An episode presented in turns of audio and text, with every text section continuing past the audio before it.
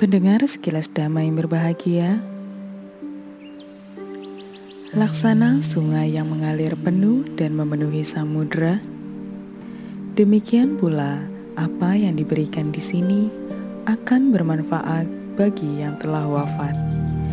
Demikian penggalan Gudaka Patah 7. Persembahan kebajikan Raja Bimbisara Malam itu, Raja Bimbisara mendengar suara-suara tangis nyaring yang menyeramkan.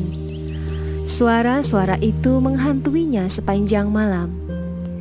Begitu fajar menyingsing, Raja Bimbisara menemui Sang Bagawa. Mereka adalah keluarga Anda pada masa kehidupan Buddha Pusa. Karena berusaha menggagalkan derma makanan untuk Buddha, mereka terlahir berkali-kali di alam neraka dan alam hantu. Jelas Sang Bagawa. Persembahkanlah kebajikan untuk mereka.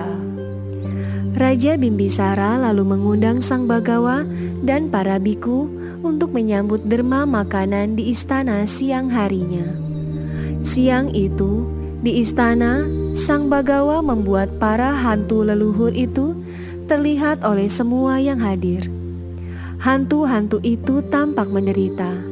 Saat memberi derma air, makanan, dan pakaian, Raja Bimbisara bertekad, "Biarlah kebajikan ini untuk keluarga kami.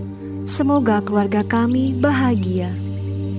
Saat kebajikan dipersembahkan, seketika sebuah telaga yang tertutup teratai muncul untuk para hantu. Para hantu mandi dan minum di telaga teratai itu, dan tubuh mereka yang pucat berubah menjadi keemasan.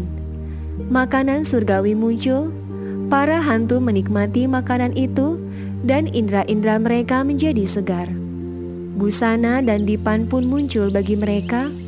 Semua yang hadir melihat peristiwa itu. Raja menjadi sangat senang. Para hantu yang menderita pun kini bahagia. Nantikan sekilas dama episode berikutnya yang berjudul Pembabaran di Luar Dinding.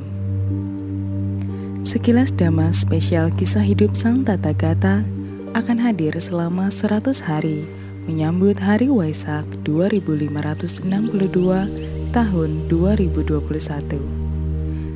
Sekilas Dhamma dapat didengarkan melalui Spotify dan channel YouTube Cetia Dhamma Dayada dengan kata kunci Sekilas Dhamma.